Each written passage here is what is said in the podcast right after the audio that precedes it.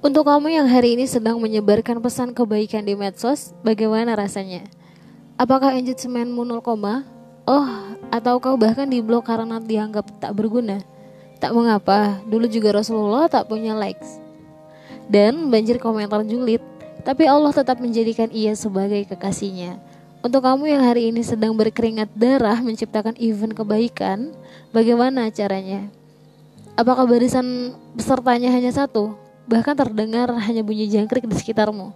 Tak mengapa, dulu juga Nabi Nuh 900 tahun menyerukan hal yang sama. Peserta yang hadir tetap tak seberapa. Tapi Allah tetap mengangkat tinggi derajatnya. Sudah kubilang kan tak mengapa? Jadi tetap lanjutkan dan lakukan yang terbaik yang kamu bisa.